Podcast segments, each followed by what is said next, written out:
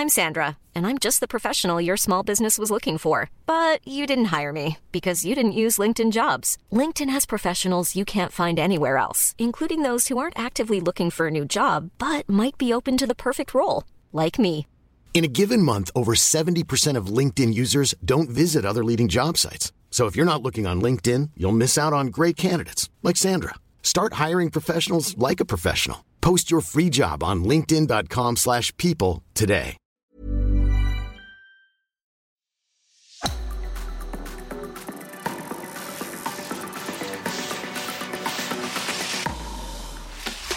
Så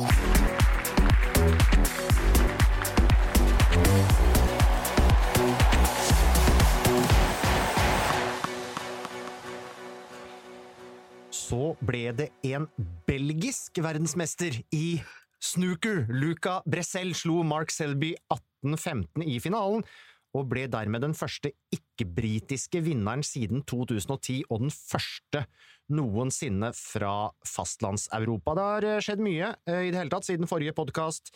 Det er tatt ut et kombinert landslag. Eh, Det ble det ikke noe særlig bråk rundt. Roma, med tre norske jenter i stallen, har blitt seriemester i Italia, så vi gratulerer til Emilie Håvi og de andre der. Og i forlengelse av det så kan vi jo ta med at Caroline Graham Hansen og Ingrid Syrstad Engens Barcelona er klare for Champions League-finale mot Wolfsburg. Sergio Perez han var best i helgens Formel 1-runde i Baku. Litt dumt at arrangørene slipper folk inn i banen når Esteban Ocon kommer i 300 km i timen. Eh, på veien i depotet. Det gikk bra denne gangen, heldigvis, men en skremmende situasjon der. Jevnaker IF, som jo er mitt lag, vant endelig sesongens første kamp i fjerdedivisjon.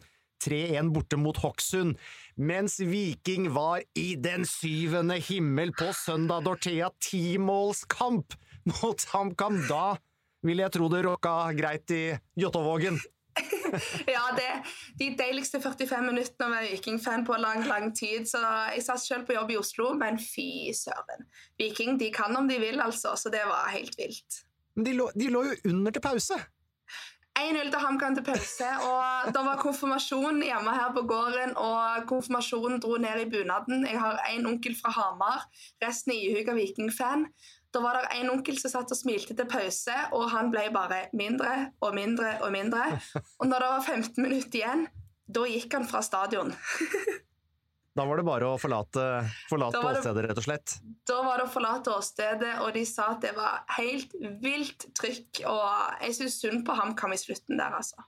For, for en dag med, med, for de som var der, da, med både konfirmasjon og 7-3, og fikk med seg den andre omgangen. Og, men jeg liker jo egentlig det at når det er sånne familieting, at det også rett, altså legges opp litt rundt eh, Ja, så idrettsbegivenhetene, kamper og sånn, at det er mulig å få til begge deler. Ja, så De kjørte kakene da etter Vikingseier, og så er det litt løye. Min eh, gode kollega Susanne Wergeland, som er Rosenborg-fan, spiller jo litt kulere fotball Viking som skårer syv mål, enn Rosenborg som blir 0-0 atter en gang. Så eh, nei, det er kult med Viking. Det er underholdende fotball. Jeg tror det var eh, bare tredje gangen på 2000-tallet faktisk, med ti mål eller flere i en eliteseriekamp. Sist var også Viking, 5-5 mot Vålerenga i 2014, så, så Viking er et det er underholdende lag å følge med på. Nå har de jo fått en veldig god eh, start. da.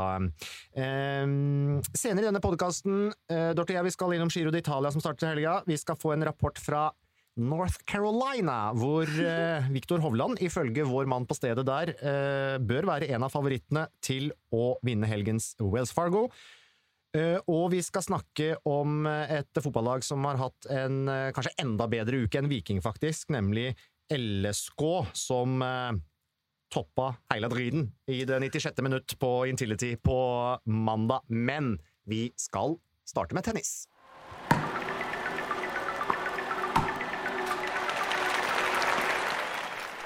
I forrige uke så hadde vi jo med oss eh, eh, Kasper eh, Ruud. Da var vi fortsatt fulle av forhåpning og forventning før ATP 1000-turneringa i Madrid, og så ble det riv i første hinder for Kasper i Madrid på grusen der.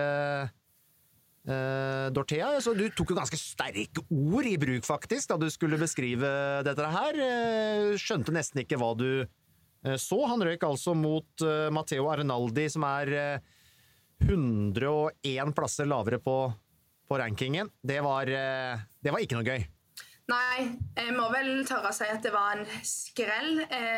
Arnaldi spilte bra og er en spiller som har mye selvtillit nå, vunnet mye kamper på grus, men det er jo ikke den Kasper Ruud vi vil se, den kampen der. Det var jo liten mental sperre midt i kampen med noen en syk streak på 17 poeng han tapte på rad. Så jeg satt jo og reiv meg i håret og skreik i studio, men eh, det er heldigvis ny turnering. Men eh, nei, det var en eh, tenniskamp som jeg tror Kasper egentlig ikke ville ta med seg videre, da. Det var skuffende. Litt, litt seig start som tennisprogramleder, Susanne Wergeland. Hun kom inn i januar her. Det har ikke bare gått veien Det har ikke bare gått veien for Kasper. Vi vært godt vant fra i fjor, da, men Uh, nei, denne her, var, denne her var tråd her. Hadde vi kanskje et håp om en liten, liten opptur. Det er ikke så mange ukene til uh, Roland Garros. Nei, uh, ehm, 2023 har virkelig ikke vært Kaspers år så langt. Og jeg har jo vært programleder for tennis bare i 2023, så det er mulig jeg må ta min del av skylda her. Men jeg tror vi kan si Dorthea, at den der lille streaken du nevnte her, det er vel bunnoteringa så langt i år. Så ja. vi får håpe at det går bare én vei herfra. Ja, det er så mentalt. Ja, hvordan, men hvordan leser, dere, hvordan leser, dere, situasjonen rundt Kasper nå? Dorthea Susanne? Fordi vi, ja. vi, hørte han jo i forrige uke blant annet også snakke om de utfordringene han har. Spillerne, motspillerne leser han kanskje mer, har mer analyse på han osv. Eh, tar enda mer hensyn. Eh, men han var jo også ganske klar på da hva han burde gjøre annerledes for å på en måte kontre det.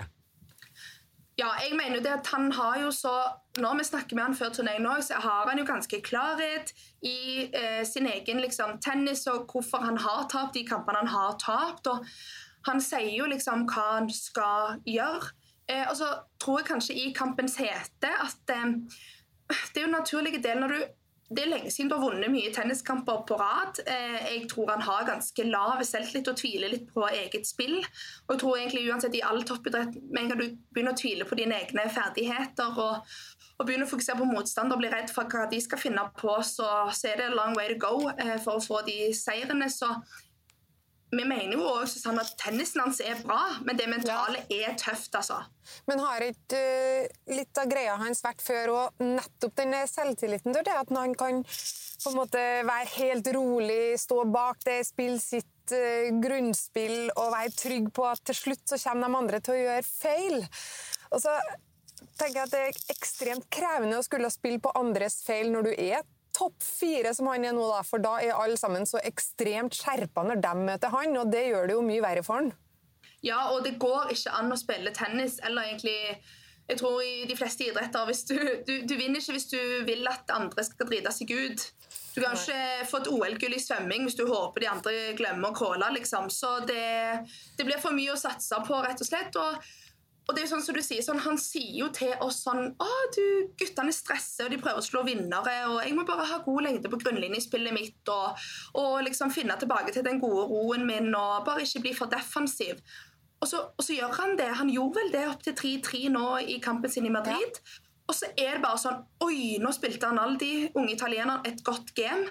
Noe som man må forvente når man møter topp 100 spillere i verden. Sånn alle kommer til å skinne. Men det er en grunn for at Kasper er topp fire i verden. Det er fordi han er ekstremt stabil. Han har hatt et voksent hode i forhold til de andre unggutta. Eh, og da skal du ikke begynne å stresse. Det lærte vi når vi spilte junior. at De kommer til å slå gode vinnere, men du må bare stole på deg sjøl. Og, det er sånn som du sier også, sånn, det er derfor jeg tror han har vært litt, litt sein med å for gjøre det bra på hardcourt. Fordi han har liksom tenkt i hodet sitt at jeg er mer grusspiller. Og som en gang den liksom, grensen ble litt eh, skjøvet bort, så Å ja. Og så kommer det finalen i US Open, som er en av de største turneene i verden. Ja. Så jeg, jeg, jeg, tror noen ganger så er du liksom din beste fiende, er det dette. Og akkurat nå så tror jeg det er litt krig oppi må være krig oppi hodet, for han eh, ja. Vi vet jo at han har det inn. Han hadde jo øh, fem meget sterke seire på rad i Estoril, og da den første kampen i Monte Carlo som han vant. Han slo jo uh, nummer 32 i verden der, uh, Baez 6-3-6-0 på veien til seieren der, og da var han jo kjempegod og solid, så vi er jo egentlig ikke i tvil om at han har det inn. Finalen nå, sant? der var han jo kjempegod. og Vi ser liksom den gamle Kasper, men der spiller han med en helt annen selvtillit. Og den selvtilliten er vel kanskje det vi savner aller mest i spillet hans akkurat nå, da. Men, men sant, det å, å, ryke for en bedre spiller innimellom, nei, en dårlig spiller innimellom, det skjer absolutt alle. Men når det skjer konsekvent, da, sånn som det gjør med Kasper nå, så begynner man jo å bekymre seg, og det er jo det vi ja, vi er litt bekymra nå. Ikke for om eh, kurven egentlig skal fortsette ned i avgrunnen, det gjør den ikke. For eh, det kommer til å snu på et eller annet tidspunkt. Han er en altfor god tennisspiller til at eh, til at den ikke kommer til å komme tilbake igjen. Ehm, men den flyten Han er så avhengig av å finne den, så hvordan skal han på en måte klare å, å komme tilbake til en sånn god flyt, sånn at det kan snu? Ja, jeg mener jo det er litt sånn eh, de tenker, eller Jeg vet ikke om de tenker sånn, men jeg tenker litt sånn åh, Nesten sånn skulle liksom blitt enda mer forberedt på at sånn Ja, nå har du vært unggutt. Du har spilt veldig bra, du har gjort det bra. Nå har du etablert deg i toppen. Nå blir det vanskelig. Du må stille deg om helt 110 grader. Alle andre gutter vet hvordan du spiller. Eh, for det er som, Ikke det at han blir tatt på bakfoten, men det er jo litt sånn altså hver turnering at han ser litt opp mot sin egen far, som også er trener. litt sånn 'Pappa, hva skal jeg gjøre?' Og så er det sånn 'Men du vet dette kommer, kompis. Du vet at alle har sett deg spille. Alle ser jo Grand Slam-finalene, de vet våpnene dine. Du må bli bedre på å problem solving in the moment og må forklare de tankene. Og meg og deg Susanne, var litt sånn off-air med sånn Kanskje han skal bli skamsure? Og så ble han det. Og så ble han jo sint i sist kamp. Ja. Men så dro de jo bare videre.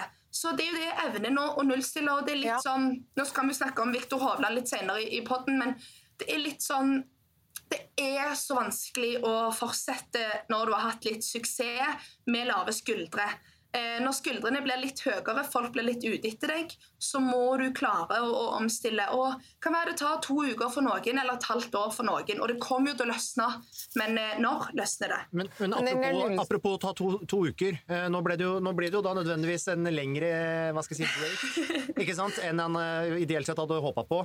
Eh, før, eh, før, neste eh, turnering. Da. Er, er det bra? Ja, men sånn har, det jo vært. sånn har det jo vært i hele vår. Han har hatt god tid til å nullstille mellom hver eneste turnering. For når du ryker tidlig, så får du liksom halvannen uke før du skal i sving igjen. Men den der nullstillinga har man ikke klart å få til. Mm. Ja. Så nå, men nå er jo altså, Vi må håpe det snur, og aller helst før hele grussesongen går. For ja. da blir jo spørsmålet hvor du skal hente alle poengene uh, ja, for å klare å holde seg på tid. Det er ganske viktig. Hvis du er uh, i toppen der og er sida i alle turneringene, så er du liksom garantert å aldri møte noen av de andre topp uh, ti før i kvartfinale. og, og og det er jo en enorm fordel som man har nå, og som vi ønsker oss at den skal beholde. Så det er litt viktig å få samla litt poeng også etter hvert. Eh, for ta bare Den ørlille trøsten da, er vel at eh, Madrid var ikke der han egentlig dro med seg noe mye poeng i fjor. Da. Så han ikke, hadde ikke så mye å tape eh, sånn Nei, sett i år. Men, vi må huske men, på det at det er jo noen poeng, altså 1200 poeng fra finalen i Roland Garros annet. Ja. Altså, vi kan ikke forvente at den er i finalen, så poengene ryker hvis du ikke henter dem noen plass. En annen som, som, er ute av Madrid, og som det ofte er mye skriverier om, Holger Rune. Eh, vår favorittkonkurrent, egentlig. Eh, Jeg elsker at meg og Susanne bare begynner å le når ja. du sier navnet Hvorfor blir det Hvorfor blir det bråk uansett hvor han reiser i verden? Nå ble det buing fra det spanske publikummet også. Ja um, Jeg lurer rett og slett Han møtte jo Alejandro Davidovic på Kina. Eh, det er jo to ganske publikumsvennlige spillere, vil jeg si.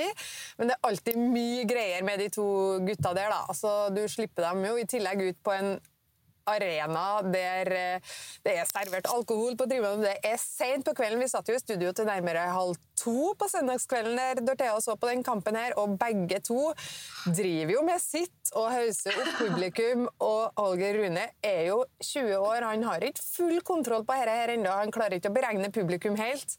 Og nå går han jo ut mot Fokina og prøver å få publikum mot en spanjol som spiller i Madrid. Du ber på en måte om det, og det slo jo totalt uh, feil ut, og han blir jo så bua ut, og det blir skreket skjellsord til at du skal være litt av en skalle for å takle det her. Og det gjorde jo ikke Rune den gangen her, da. Så jeg vet ikke om han angrer seg på at han eh, gestikulerte og styra så mye med publikum, men det slo i hvert fall feil ut den gangen her. Ja, så er det så fin balanse òg, fordi eh, jeg skjønner altså, Jeg syns jo det er underholdende og dritkult, og vi har jo sett det mer og mer, både med liksom, Nick Kyrgios, australieneren, som spiller veldig med publikum, og publikum digger de jo, og de drar jo mye fans til sine egne kamper, men så er det sånn sykt hårfine balanse før det går feil vei. Og sånn som du sier, Susanne, sånn Å, du har liksom, hva er det, 10 000-20 000 dritas spanjoler i, i Madrid på kvelden, liksom, og så skal en danske prøve å få dem med seg mot en spanjol, så er det sånn åh, kompis, jeg tror jeg hadde ligget litt lavt i terrenget eh, bare den kampen. Men jeg, jeg skjønner han kjempegodt. og han får jo litt drive av det. Vi ser jo Både han og han russeren Danil Medvedev er jo to gutter som er sånn Å ja, dere er mot meg. Well, I'll, I'll show you. Eh, men eh, når det blir feil, så blir du bare sykt liten utpå der, og det ble Holger Rune. Altså, han fikk liksom ti ganger mer pose under øynene og bare så opp på mor og litt sånn Kan jeg få velling, eller? Og det ble helt feil mot Fokina. Var ikke, var ikke sånn at dommeren, dommeren, prøvde vel til og med å hjelpe Holger Rune litt, gjorde han ikke det? Nå må du høre her, dette er ikke den beste måten å oppføre seg på. Hvis du er litt smartere nå, så kanskje du ikke får så mye eh, motbør fra tribuna her. Han prøvde å gi noen gode råd, men eh, han han var ikke helt mottakelig for det heller, da. Nei, nei. Selv om han, han roa seg jo litt etter hvert. Men jeg tenker det kan være ganske ødeleggende en god stund for selvtilliten til en 20 år gammel gutt å oppleve det som han opplevde. For etter hvert altså, Dommeren mista kontroll på publikum, og han gjorde det sjøl også. Og det føltes vel egentlig som en mobb etter hvert. Det var litt sånn ubehagelig å sitte og se på hvor liten Rune ble utpå der. Men, um, Men jeg kan takke seg sjøl. selvtilliten hans også. fordi når du er litt den typen som han er, spiller masse sånn på lag med publikum, egentlig, og sånn, så ehm, skal ikke så mange sånne opplevelser til før du føler at du mister litt grepet. da. Dorthea, avslutningsvis her, eh, nå går vi inn i finalehelga eh, snart. Eh, hva står fram for, for deg? Hvem har overraska, hvem har innfridd? Hvis vi tar herreklassen først, eh, først og fremst her. Ja, altså favoritten eh, Carlos Alcaraz bare cruise on the way. Er jo i kvartfinalen og er jo helt vill. Det er liksom sånn Å ja, du kan det òg. Så alle må se på Alcaraz, for han er den mest eh, komplette nå. Blir han vel 20 år neste uke? Eh, eller er det han som har blitt 20, og så blir Holger Rune? Nei. Nei, Holger Rune hadde bursdag nettopp, og så venter vi på Alcaraz en uke her, vel? Ja, så det blir vel å skrive på Facebook-veggen hans alle sammen når Alcaraz uh, fyller 20. Men uh, Og så er det jo en uh, kineser, Zhang, som er altså har slått tre gutter, to topp ti-spillere og én ranka 27 i verden. Alle kampene har han altså vunnet 7-6 i avgjørende sett. Det er jo altså for de som ikke er nerds, så er det så jevnt det går an å bli i tennis. Eh, og det er helt vilt. Én ting er å gjøre det én kamp, men å gjøre det tre på rad Slå nå Taylor Fritz og redde matchballer. Og, så folk må se noe inn i finalehelga. Nå er det kvartfinaler eh, som begynner og, og, skal bli spilt. Og eh, Alcaraz, stor favoritt. Eh, Tidspass ennå med. Så har kommet tilbake, ikke vært i, i storform. Og så er det da Sang som er skikkelig underdog. Og det er alltid kult, uansett eh, hva idrett det er, å ha med en sånn Hvor i all verden kom du fra? Det hadde jeg ikke regnet med. Og det er en sang denne uka. Ja. Men det er jo litt Vi må se på det vi nordmenn som eh, stort sett ser på Kasper Ruud også, da. At da er det jo ganske mange andre som har eh, rykket her òg, når vi ser hvem som er igjen. Altså Medvedev, Rublev, Murray kan vi nevne, Fritz, som du sa, Rune, som vi mm. nevnte og Sher Aliasim altså, De ryker jo for antatt dårlige spillere, hele gjengen. Så det er ja. ikke bare Kasper. Ja, nå er det onsdag formiddag når vi spiller inn podkasten. For et døgn siden så tok vi en prat med Tobias eh, Foss om eh, Giro d'Italia som starter på lørdag. Ehm, da sa Tobias at det var 50-50 om han kunne kjøre giroen. Han måtte jo stå av Romandie rundt nå i helga pga. sykdom, og i går kveld kom da pressemeldingen, beskjeden fra Jumbo Visma laget om at han dessverre ikke er frisk nok til å kunne kjøre, satt ut av korona i likhet med flere eh, ryttere. Han eh, sa da til oss i går kveld, veldig veldig kjipt selvfølgelig, å gå glipp av årets store mål pga. noe man ikke får kontrollert, er eh, utrolig kjipt, men til syvende og sist får jeg ikke gjort noe med det. Eh, kjedelig å gå glipp av muligheten til å være en del av et lag som kjemper om eh, seieren, men heldigvis nye mål eh, og løp å peke seg ut. Han skulle jo da kjøre for Primoz Roglic, en av de store favorittene. Og ikke minst så skulle vi jo da få Tobias Foss i verdensmestertrøye på den første dagen hvor det var tempoetappe på etappe én av Giro de Italia. Ja, han var, jo, han var jo usikker, og han var jo litt pessimist vi, da vi snakka med han i går, Dorthea. Men for en utrolig kjip beskjed å, å få, da. Ja, og jeg hørte bare på han i går når han sa det er jo bare en sykt kul mulighet. Altså starte Giro d'Italia med den fineste regnbue-verdensmestertrøya, komme inn som nybakt verdensmester. De har jo store mål, han har jo levert skambra. og Nei, jeg fikk helt vondt av han. Vi visste jo ikke i går når vi snakket med han at det var covid det var snakk om. Jeg tenkte bare å sitte før Giro d'Italia på høydeleir i Andorra og være syk og ikke vite om du skal kjøre, må jo være så stress. Så plaster på såret må jo være at han ikke er alene om det da. Men tre år etterpå at det toppidrettsutøvere fortsatt blir satt ut av eh, korona og ikke får være med på en av Grand Tours. Jeg eh, nei, får skikkelig, skikkelig vondt av han og tror nok Juvo Visma kjenner, kjenner på det òg. Og han har jo kjørt så bra at eh, de kommer nok til, til å kjenne savnet på, på Tobias eh, i den formen han har vært i nå. Ja, og selvfølgelig, Vi syns det er kjedelig eh, som skal sitte hjemme og se på det. Vil jo hatt flest mulig nordmenn på, på, start, selvfølgelig. Nå har vi noen andre nordmenn på andre, andre lag som kjører. Men, men, tenk på Tobias Foss, som altså fikk Han har visst nå egentlig et halvt år at han skal kjøre Giro Tala. Han ble tatt ut tidlig, det var bestemt. Uh, dette er et av sesongens store mål. Det største målet, egentlig. Uh, og så, tre dager før, ja. så Nei, du får ikke kjøre. Det er jo Det er ganske brutalt. Ja, det er skamskipt. Og i hvert fall når det er sånn det er ingenting du kan gjøre med. og noe om det hadde vært en um, lyskestrekk eller en ryggskade der det er sånn Jeg kan fysisk ikke sitte på sykkelen, men det er noe så tåpelig som den der stygge koronaen så jeg er dritlei. og Det er bare urettferdig. og Det er sikkert bare tilfeldighet, eller det er jo tilfeldighet at det er akkurat han som har fått det, og at han har blitt syk òg, men jeg tenker det syk Sykla til Italia med halve lunger, det går jo ikke det. La oss uh, likevel høre litt om hva eh, Tobias Foss sa da i det intervjuet. Eh, noe av det han sa er jo litt utdatert, men han snakka annet litt om eh, kampen om sammenlagtseieren i Giro d'Italia. Du, eh, på forhånd mye snakk selvfølgelig om Roglic og om eh, Remco Evenepool som kanskje de to store favorittene. er det andre du ser som kan Eh, overraske og sette press på de største favorittene her. Nå er det jo ikke, det er ikke bare du som har hangla litt i det siste, det er andre ryttere også som, som sliter litt med sykdom inn mot, inn mot Giroen. Chicone, som av hjemme, et av hjemmehåpene, har vel måttet melde forfall osv. Hvordan uh, ser du på fighten om, om den rosa trøya? Ja, nei, når, når, man ser på hvordan de kjørte Catalonia rundt og og, og, hvor skarpe de er på tempo, f.eks. Eh, I forhold til de andre sammenlagsrytterne, så, så, sliter jeg med å se noen som skal klare å hamle opp med de sånn, sånn rent fysisk.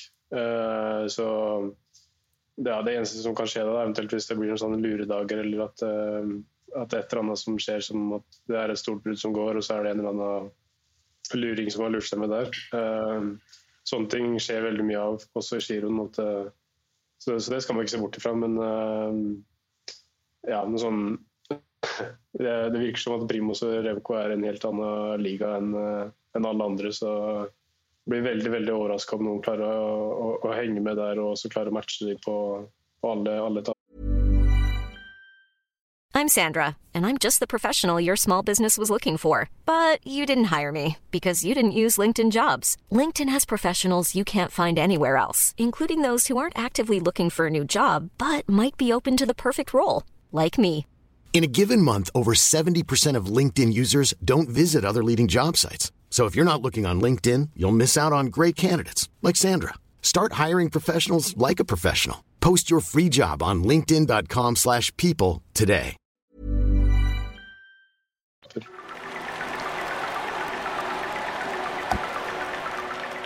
Eh, Toppidrett trenger jo ikke alltid å være så uh, sunt, uh, Dorthea. Og maraton, det er jo selvfølgelig uh, Ja, det er en veldig krevende idrett, Uh, og, og der har det vært mange spesielle situasjoner opp igjennom.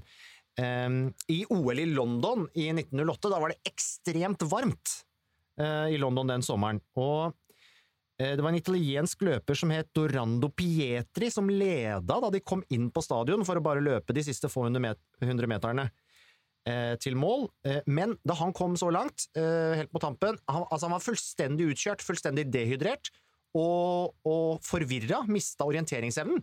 Så han, han, han fant ikke rikt, altså han klarte ikke å løpe riktig vei da han kom inn på stadion, for han var, altså han var helt ute av det. Eh, så flere ganger så måtte funksjonærene liksom gripe inn, stoppe han, snu han eh, i riktig retning mot målstreken, og, og, så, og han brukte da ti minutter på de siste 350 meterne. Altså, da skjønner du at han var litt, eh, litt ute. Uh, men fant målstreken til slutt, kryssa som førstemann, men amerikanerne, som da hadde løperen som ble nummer to, uh, protesterte. Eh, Fordi han hadde fått hjelp ikke sant, eh, av funksjonærene inne på stadion. Eh, Så han, altså han fikk ikke det, det OL-gullet, Pietri. Men historien slutter ikke helt der, for Arthur Conan Doyle, han som skrev om Sherlock Holmes, han var hyra inn som journalist for en engelsk avis til det OL-et, og han ble så fascinert, han ble så imponert over den italieneren som liksom kjempa så heltemodig, og som mista OL-gullet av disk, da. Så han skrev om, om Dorando Pietri, eh, og tok blant annet initiativ eh, til at de kunne samle inn penger, sånn at han kunne starte et bakeri hjemme i Italia. Og, og dette var jo 1908, det var ikke like lett eh, å bli kjendis da som det er i dag, men han Pietri han ble en kjempekjendis på grunn av det OL-gullet han ikke fikk. Eh, Så han ble jo invitert rundt til showløp og, og casha inn masse penger på å løpe, løpe mange steder i verden. da. Så han må jo ha vært en av de første liksom, virkelig profesjonelle idrettsutøverne og, og, og idrettskjendisene. Så han tjente masse, eh, tjente så mye penger han kunne starte et hotell hjemme i Italia. Var flinkere til å løpe enn til å drive business, så hotellet gikk selvfølgelig konk og sånn, den biten gikk så bra. Men, men som løper eh, fantastisk, og han løp på fantastiske tider den gangen. da. Ja, Riktignok nesten en time lenger enn en det som er verdensrekordene og sånn i dag, men, men det var jo veldig fort den gangen. og eh, og ble superstjerne, rett og slett, på et OL-gull han ikke, ikke vant. Så toppidretten den kan være brutal, men så kan historiene ta noe litt sånn fine vendinger allikevel, da, innimellom. Ja, det første jeg tenkte var Jeg hadde i hvert fall gått på det bakeriet og støtta han som mista OL-gullet sitt, eh, så folk føler nok med han. Men eh, nei, det er maraton til bakeri, altså. Det, det er visst veien å gå, det, Asbjørn. Da skal vi over Atlanteren. Du følger jo bra med på golf, eh, Dorthea. Det liker du å se på?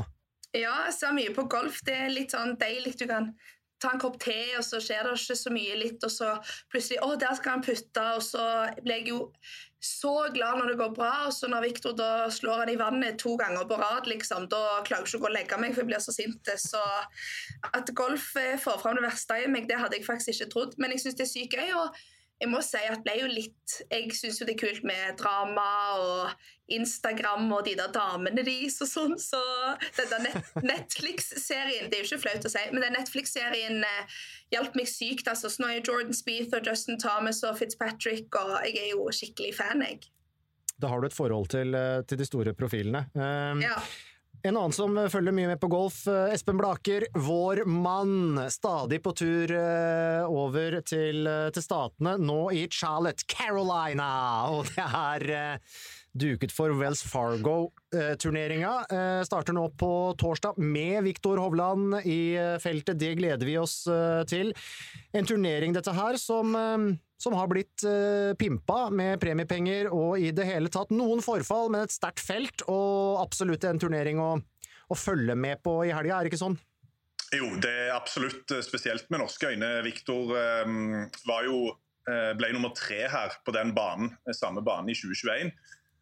en turnering eh, jeg tror nok han på mange måter følte han kunne vunnet eh, hvis han hadde hatt litt mer flyt. og eh, det er jo som du sier, De to klart beste spillerne de siste året, Scotty Sheffler og John Rahm, er jo ikke med.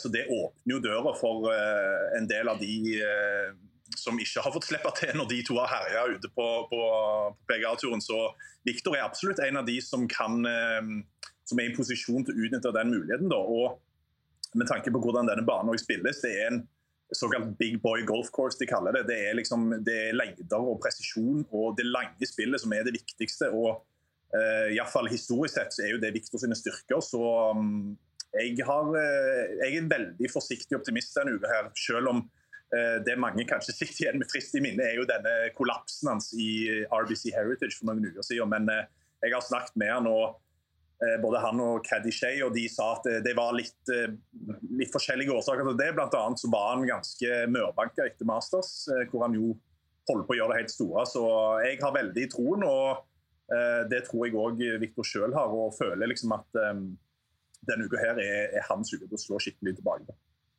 Ja, for, for, for, hva vil du si om Viktor Hovlands uh, sesong så langt? Ja, Nå har vi jo blitt veldig bortskjemt, da. Eh, og mange tenker kanskje at eh, ja, han har jo ikke vunnet og bla, bla, bla og alt dette her. Men eh, ser du på resultatene isolert sett, og ser du på statistikken, da, så er han jo eh, så er det jo ingenting å klage på. Han er, har vært med helt der oppe i nesten alle de store turneringene. Han eh, kunne vunnet Masters, han kunne vunnet Players, han kunne vunnet Arnold Palmer.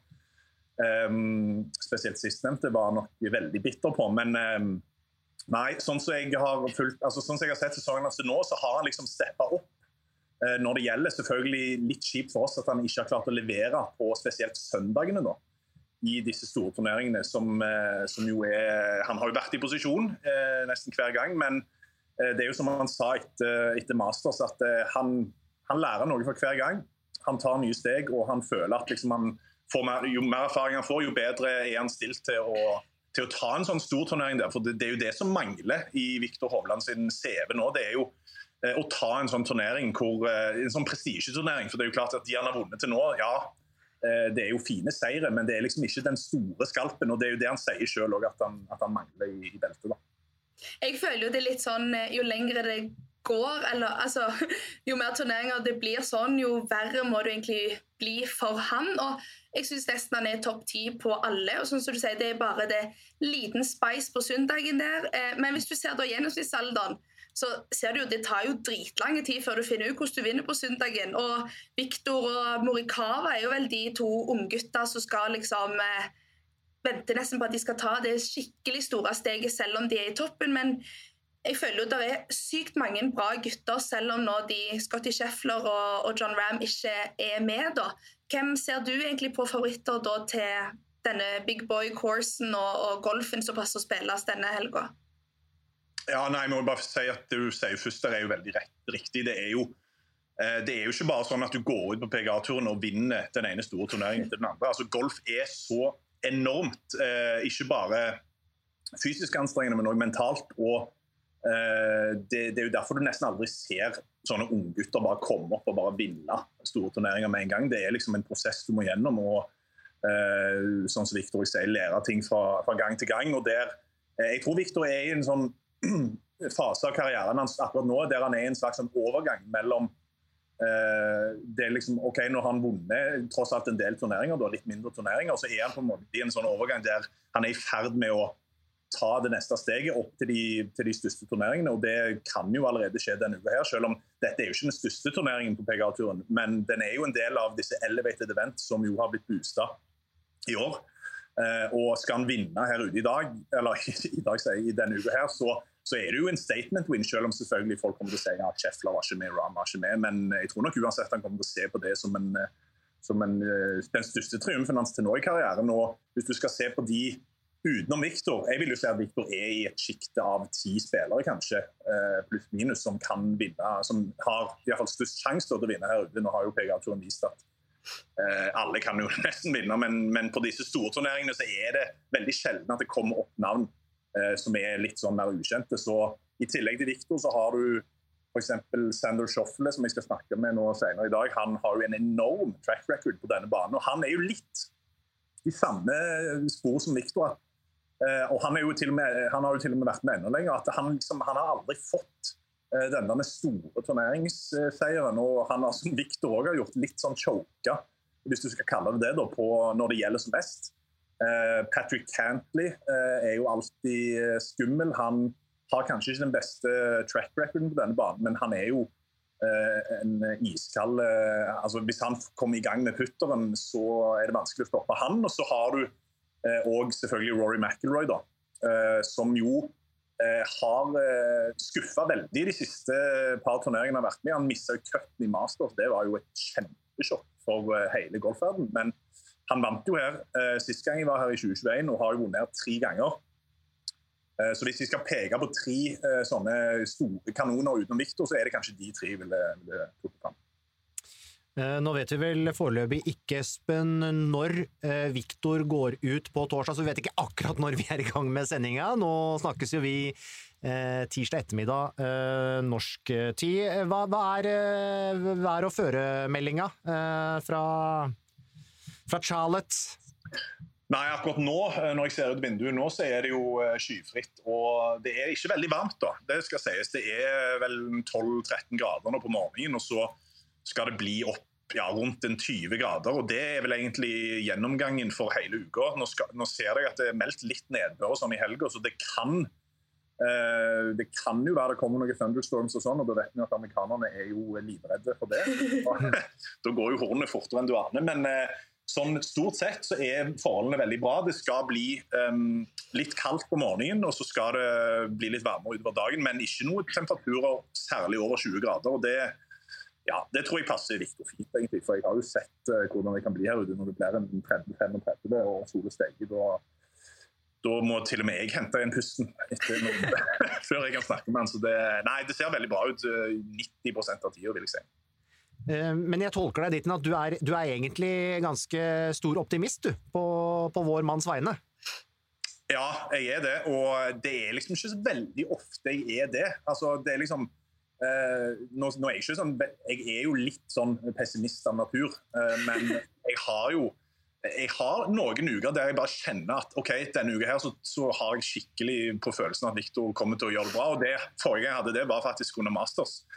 Eh, og Hvis vi ser sånn isolert på det, så passer jo den banen her og den liksom, settingen her Victor kanskje bedre enn Masters gjorde. så ja, eh, jeg blir faktisk litt overraska hvis Viktor ikke er med og kjemper denne uka. Iallfall at han har en sjanse til, til, å kunne ta det.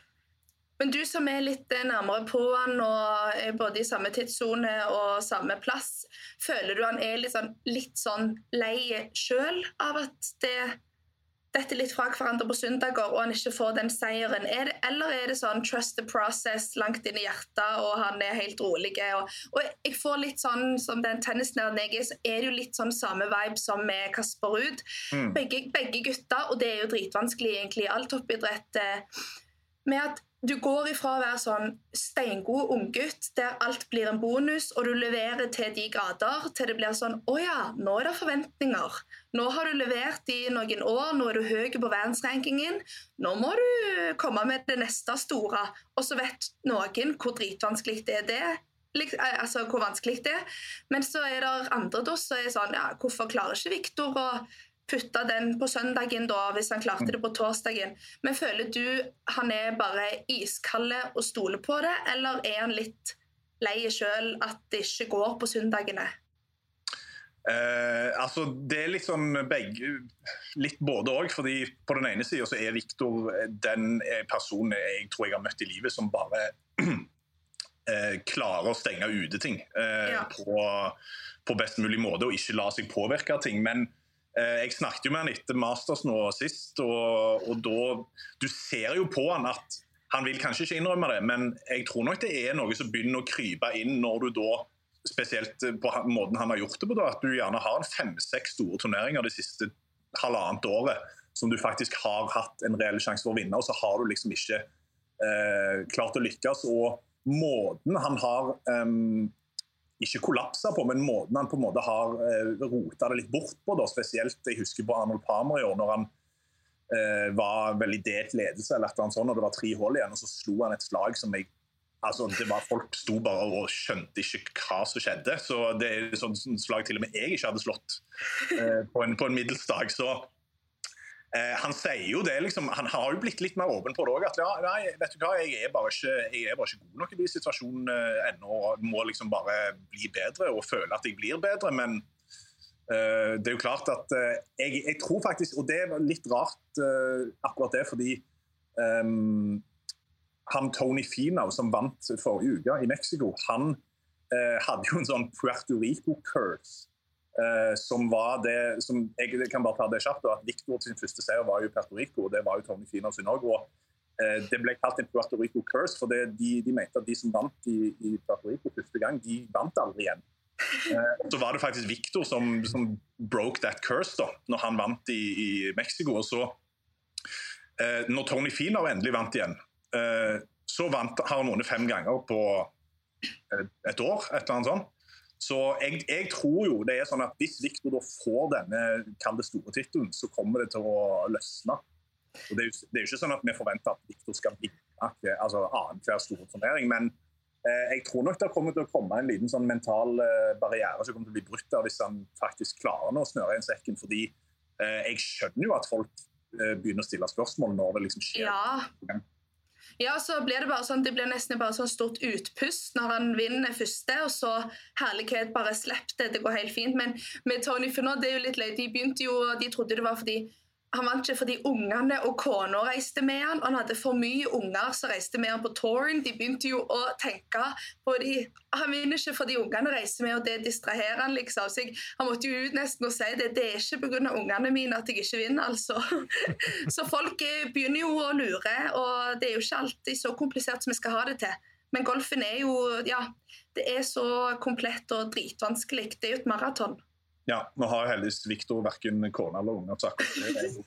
Får håpe han, holder seg unna det så lenge som mulig. Men uh, selv om faren hans faktisk er av og til og ganske ofte nede og ser på, tror jeg ikke det har noe å si. Men uh, Nei. nei, det er som du sier, jeg tror det er litt sånn at uh, Jeg bare håper nå at liksom han klarer å altså Det er jo selvfølgelig jævlig mye å be om, unnskyld språket, og at han skal vinne en major, f.eks. Men jeg tror hvis han først klarer å vinne en sånn turnering type av ja, eh, F.eks. denne uka her, eller en av de andre store nå i sommer, så tror jeg det kommer til å skje noe. fordi er jo, han er knallsterk mentalt. og han er, jeg, jeg, jeg ser på han av og til og bare tenker sånn, hva er du lagd av? Men alle er innerst inne så har alle sine mentale kall det utfordringer. Så nei, jeg eh, håper at det kan løsne nå den, den sesongen her. Og den uka her tror jeg er en av de beste sjansene Victor har igjen. Vi tar med oss den eh, positivismen, optimismen, inn i helga eh, fra torsdag, altså Wells Fargo på Discovery Pluss. Da får vi se mer av både Viktor Hovland og Espen Blaker. Så det gleder vi oss eh, til.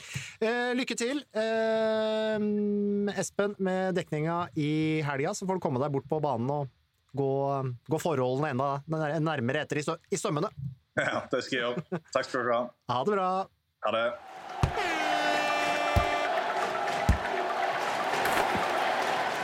Jeg vet Dorthea, at du vil helst snakke om Viking når vi, når vi snakker om Eliteserien og norsk eh, fotball, men eh, vi må snakke om eh, et lag som har hatt en fantastisk uke. Eh, med seier mot eh, Molde, med cupsemifinaleseier mot Bodø-Glimt, og så toppa det seg da på Intility på mandag med avgjørende scoring eh, i det 96. minutt eller noe sånt i derbyet mellom Vålerenga og Lillestrøm. Og Eskil Ed for et tidspunkt å gjøre comeback eh, på. Du kommer altså inn fem minutter eh, før full tid, eh, og i løpet av da noen vanvittige minutter på tampen der, så skårer dere to mål. Snur det. Fantastisk comeback. Seier i Derby. Feiring foran en gul vegg på Intility. Ta oss gjennom de, eh, de minuttene der som du fikk på banen. Nei, altså det Som, eh, som en ekte lillestrømling, og som eh, har vokst opp i byen, så er, finnes det nesten ikke noe større enn det.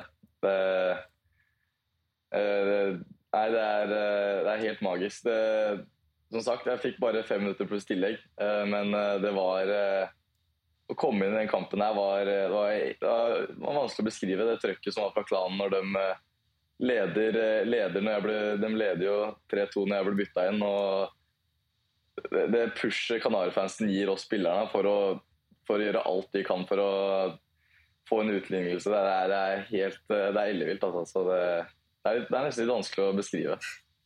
For hva, hva er beskjeden fra Bakke og Myhre eh, og teamet når du, når du kommer inn der, og dere, dere veit dere pusher på, Vålerenga har ti mann. Eh, hva, er, hva får du beskjed om å gå inn og gjøre?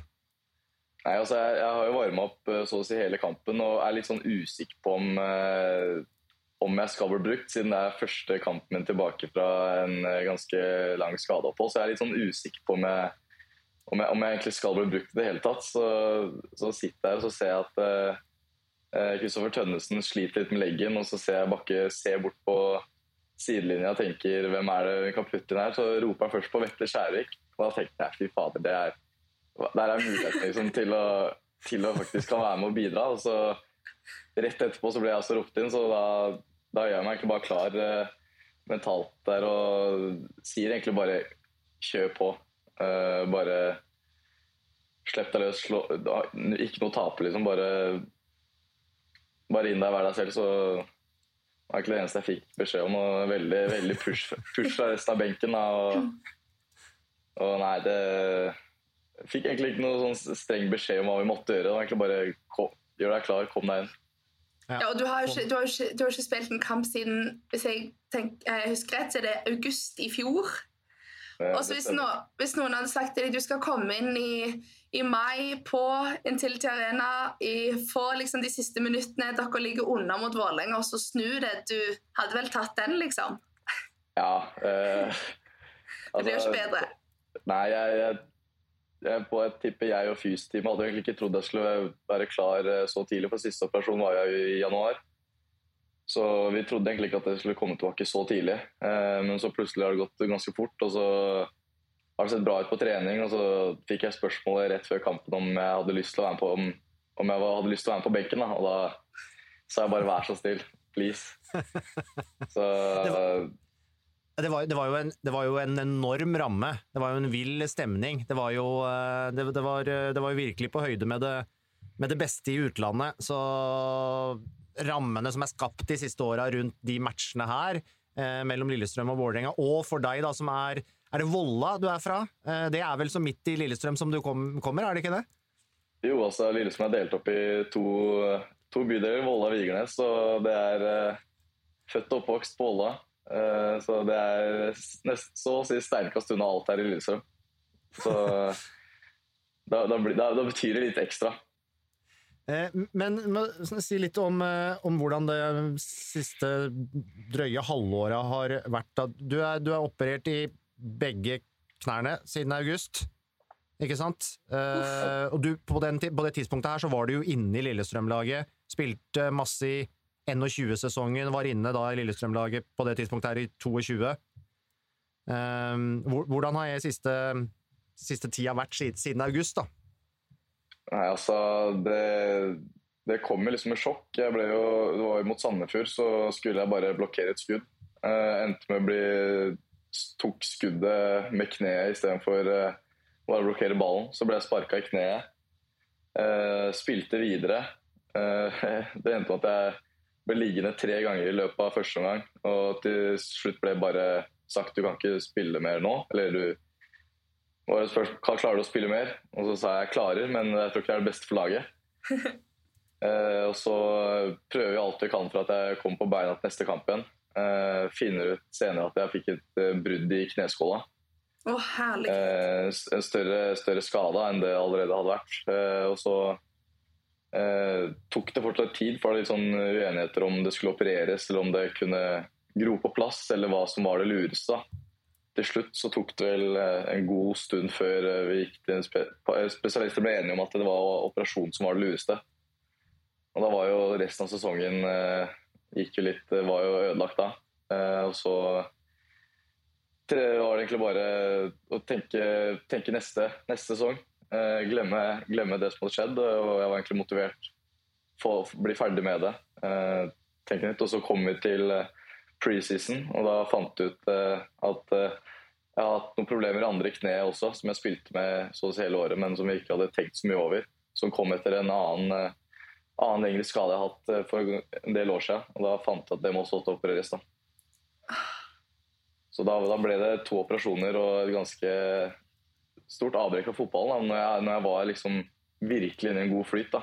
Mm. Eh, jeg kom jo opp eh, Det året vi rykka, opp, så var jeg med å rykke opp. Og så spilte jeg den 2021-sesongen ikke fast, men da var jeg ganske ung. Jeg fikk en god del tillit fra Geir og Petter.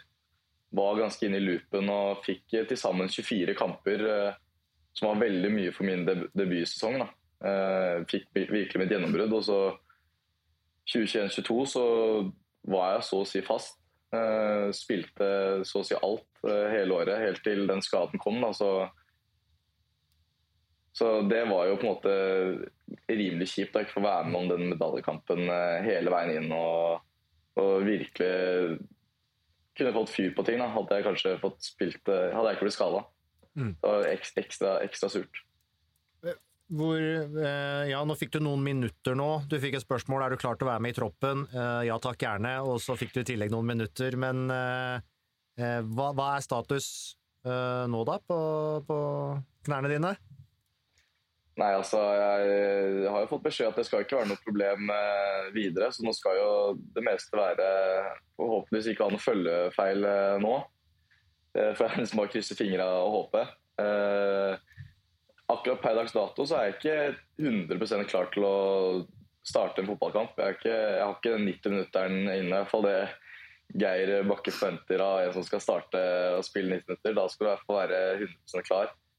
Eh, så har det fortsatt gått ganske fort. Og, så jeg er ikke 100 klar for eh, tre matcher på en uke. Og, og det kjører vi vært inn i nå. Men eh, det er bare ting jeg må ta stein for stein, så, så kommer det. For jeg, for jeg mener det, det, er jo en cupfinale om to og en halv uke. Det hadde vel vært fristende med noen I hvert fall noen minutter der. Ja, altså det, Jeg kommer tilbake på et fint tidspunkt. Eh, så nei, det, det også er jo noe som jeg har fryktelig lyst til å kunne være med og bidra med. Så det Heldigvis har jeg, heldigvis har jeg ikke gått glipp, glipp av så mye at jeg ikke får medalje hvis du vinner.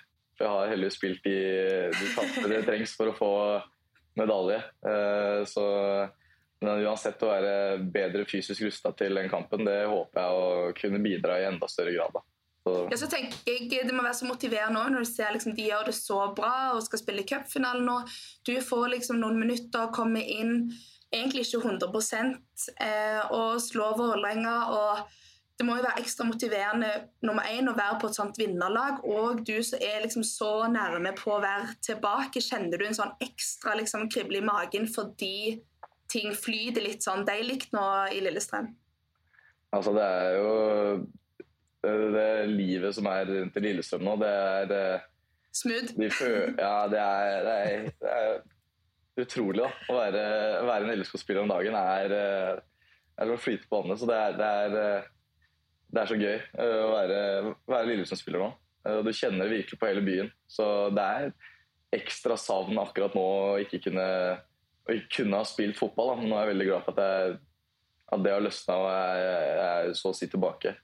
Men eh, det er, er det utrolig det er, Jeg unner alle lagkameratene mine det, det, de har klart å få til de, de månedene her og de ukene her. Så det, fra min side er jeg bare kjempestolt og utrolig happy. For jeg vet jeg, jeg, blir jo frisk, og da kommer jeg i hvert fall tilbake til et lag som er virkelig på, på, rett vei. Og Det er bare deilig å komme inn i en gruppe som, mm.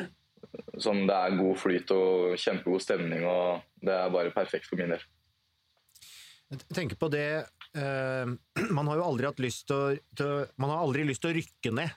Eh, men det er, begynner etter hvert å bli mange eksempler på Viking for noen år siden, Lillestrøm, Brann, mange som har hatt godt av en liten sånn tur ned på nest øverste nivå. Kanskje for å få rydda opp i litt ting. Kanskje noen kommer inn med nye ideer både på, både på det sportslige, men også på det som kanskje er rundt, rundt klubben. da. Eh, hva er det som skaper den spesielle liksom, go-en, trøkket, som, som, har vært rundt Lillestrøm nå et par uh, år? Både utapå, men, men, internt også virker det jo veldig eh, harmonisk, og at folk trekker i samme, samme retning eh, i sportslig også, da. Nei, altså, Jeg kom jo inn som sagt i den Obo-sesongen. Jeg, jeg fikk jo starte å trene med A-laget midt i. Og da gjorde jo egentlig ikke Lillestrøm det så veldig bra. Mm. Så snudde bare plutselig alt seg, og så vant, begynte vi å vinne kamper. Og så lå det an til at vi skulle rykke opp, så rykka vi opp. Eh, så var det egentlig et veldig stort spørsmålstegn før den første sesongen i Eliteserien var at vi, det var ikke noe overbevisende det opprykket vårt. Det var ikke sånn at det skreik at vi skulle klare oss, eller at vi skulle være noen, i hvert fall ikke noen medaljefavoritter eller noe Nei, egentlig det, det bikka jo mer på at vi skulle være på nedre halvdel. Eh, jeg tror målet egentlig var at vi skulle klare oss i Eliteserien. Eh, men eh, jeg tror at de, de, de, de kjøpa Lillesund gjorde, var egentlig med å liksom virkelig sette, Det satte så stort preg på, på hva, hva, vi skulle gjøre og opp, hva vi skulle liksom, hva skal jeg si, hva vi skulle oppnå, hva, hva planen var. Jeg mener at Gjermund Aasen og Pål Helland var altså, så viktige brikker da, for, at, eh, for at alt skulle liksom falle på plass. Eh, ikke, ikke liksom, Pål fikk jo ikke akkurat bidratt så mye han eh, kanskje skulle håpe, da. Eh, med den eh, med fotballen han egentlig har i seg. Eh, men det han bidrar med til gruppa, hvor fotballklok han er, hvor flink han er til å sveise sammen gruppa, være lik mot alle, det, det hjalp så mye. og en sånn treningskultur da, han, han, og Gjermund tok inn i gruppa, den vinnermentaliteten. Det var, eh, det, det var så langt unna det vi hadde året før, da, som var i gruppa. Selv om den gruppa var herlig. Men eh, det, det, det gjorde altså noe med gruppa som er Det er, det er, det er sånn rart å sette ord på, men, eh, og det har, det har, preg fortsatt den dag i dag da, på gruppa. Vi har blitt så sammensveisa. Vi var, vi var sammensveisa gjeng, men vi liksom gikk fra lagkamerater til kamerater, rett og slett. da mm. denne sesongen. Og vi visste at vi var på en måte underdogs, da. men eh, vi brukte det til alt det har vært eh, på vår egen, egen del. Da. Og så har vi på en måte vi har på en måte, vi har ikke slutta å bygge på den der kameratdelen ennå. Så det er liksom et, det er en gjeng med kamerater og vi, som vi, vi ser liksom ikke på hverandre som konkurrenter. Som er kanskje egentlig det man burde gjøre for å få den der eh, konkurransen inn i, innad i laget. Men det er liksom det, vil jeg si er en kjempefaktor da, for at vi har mm. fått den suksessen. At vi, jeg da ikke, ikke, vil tro på det første kommer til å drive og slite med å rykke ned. igjen. for jeg liksom har det grunnlaget på at uh, vi, vi, har, alle har lyst til å bli bedre sammen. Da, og det skaper resultater. Og så, så tenker jeg på en siste ting, det er, det er, veldig interessant det du sier. tenker på en siste ting. Det virker jo også som dere har et, uh, Lillesund-spillerne har et veldig et tett forhold til supporterne sine. Du, obviously som, en, som spiller og, og LSK-supporter, eh, kanskje sjøl, da. Eh, det båndet ser også ut til å ha blitt eh, veldig, veldig sterkt. Eh, hele, hele, identiteten rundt, eh, rundt, LSK. Ja, altså det, det er jo blitt ganske forvandla på ganske kort tid. nå har det jo blitt sånn at man forventer man skal vinne hver kamp.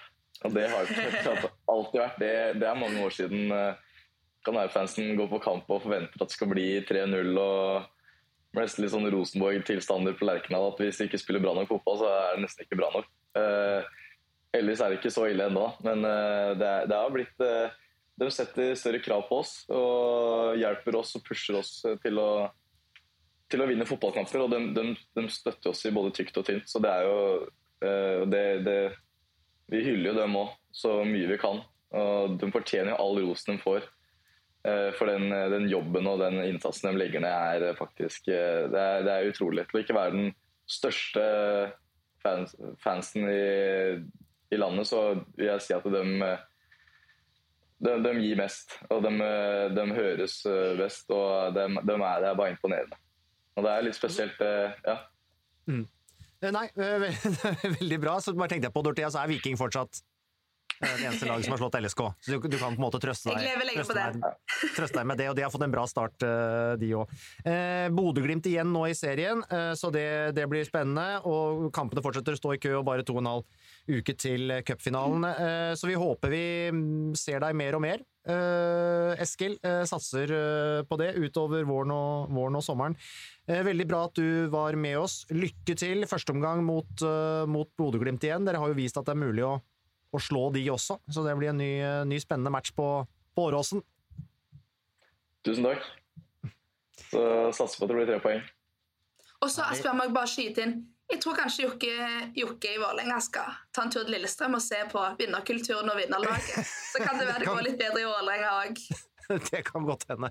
Veldig bra. Vi nærmer oss uh, slutten for i dag. Uh, husk at Giro d'Italia starter på lørdag, uh, dessverre uten Tobias Foss, men vel med fire andre nordmenn på start der. det nærmer seg finale i Madrid, og det er en spennende golfturnering som vi har vært inne på. Det drar seg til i Premier League også, Dorthea? Ja, det gjør det. Det er Arsenal vant jo nå, og vår egen mann Martin Ødegaard er jo helt rå. Har jo snudd skikkelig trenden òg, så nå er det sykt mye bra kamper. Eh, allerede nå i kveld er det jo et par kamper som skal gå, så det, mm, folk må bare følge med.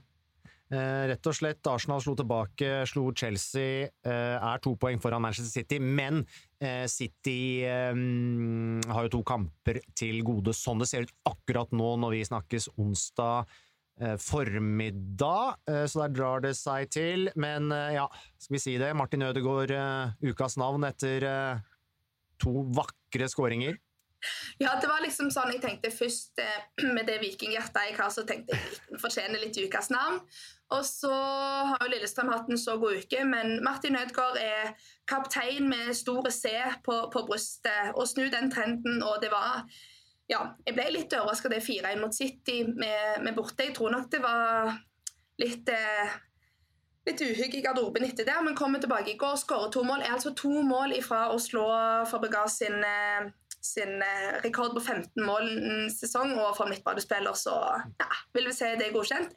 Jeg tror det er lille ryktene her om Helene Spilling skal vi danse, så får deg ei dame som danser latin, så tar du rekorden i Arsenal. Oi, oi, oi, her, er du, her er du sterk, dette har du bra kontroll på. Men, men Dorthea, eh, kaptein med C på brystet, det er i hockey, altså. Det er i hockey. og hockey skal vi snakke om sikkert en av de nærmeste podkastene, for det nærmer seg hockey-VM, eh, faktisk. Og da skal vi komme tilbake til det. Jeg mente, på, jeg mente bånd rundt bicepsen. Ja, ja, riktig. Strålende. Vi ses uh, og høres neste uke, da. Ny podkast. Det, det gjør vi. Snakkes. Snakkes.